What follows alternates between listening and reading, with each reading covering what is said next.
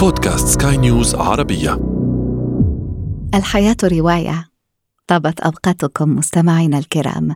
معكم إيمان جبور. الموسيقى. ملجأ أرواحنا وبداية التئام جراحنا. في هذا العدد تجتمع ألحان الحياة بأوتار الكمان ونوتات البيانو. متابعة طيبة.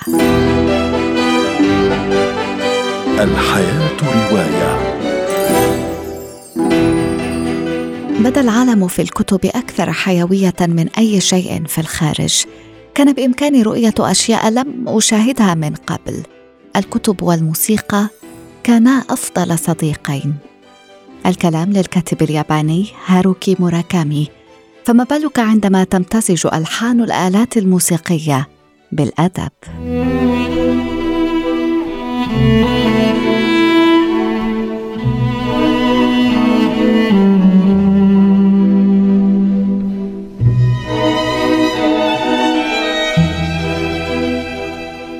هذه قصة روح منكسرة.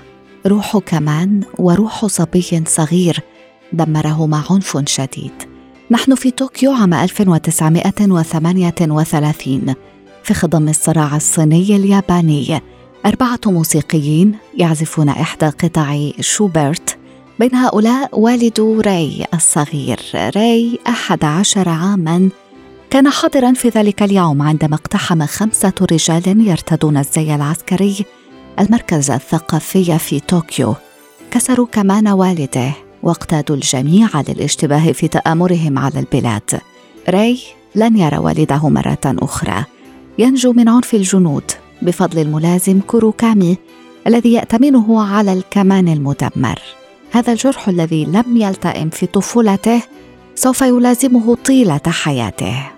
آم بريزي وتعني روح منكسرة. كتبها باللسان الفرنسي الكاتب الياباني أكيرا ميزوباياشي. بين الواقعية الخام وسحر الحكاية لحن عذب ينبض بالحياة. نقرأ في الرواية مدفوعا بكراهية شديدة ألقى الكمان على الأرض بكل قوته وسحقه بحذائه الجلدي الثقيل أوتار الآلة المكسورة تطلق صرخات احتضار غريبة. لم يكن من الممكن أن تنبعث من أي حيوان يفارق الحياة في غابة الصيادين بلا رحمة.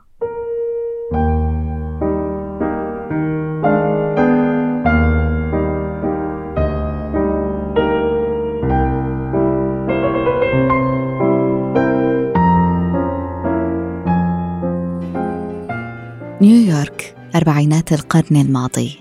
طفل في قبو لا يلمح سوى أحذية المارة.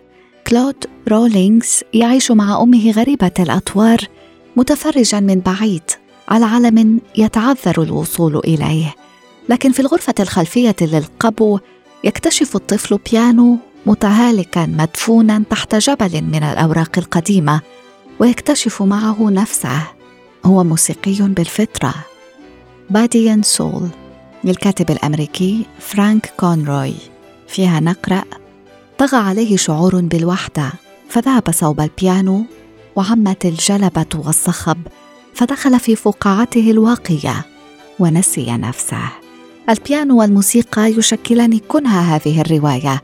الموسيقى الكلاسيكية وأيضا نبض الجاز الذي لا يقاوم في جسد نيويورك الضخمة التي تعج بالقصص والشخصيات نيويورك الفاتنة والقاسية في آن. إلى كريمونا الإيطالية يسافر بنا الكاتب الفرنسي جون ديوو بين القرن السابع عشر والقرن الثامن عشر رجل يحدث ثورة في عالم صناعة الكمان أنطونيو ستراديفاري كمانات الملك لوحة أدبية وتاريخية تضعنا في قلب الحياة اليومية لتلك الحقبة في عاصمة الكمان كريمونا حيث عاش حرفيون عباقرة أتموا رحلة تحول الكمان إلى آلة ملكية. على مدار أكثر من ستين عاماً صنعت ورشة عمل ستراديفاري الكمانات للملوك والأمراء. حقبة مذهلة لا نعرف عنها الكثير. الحياة رواية.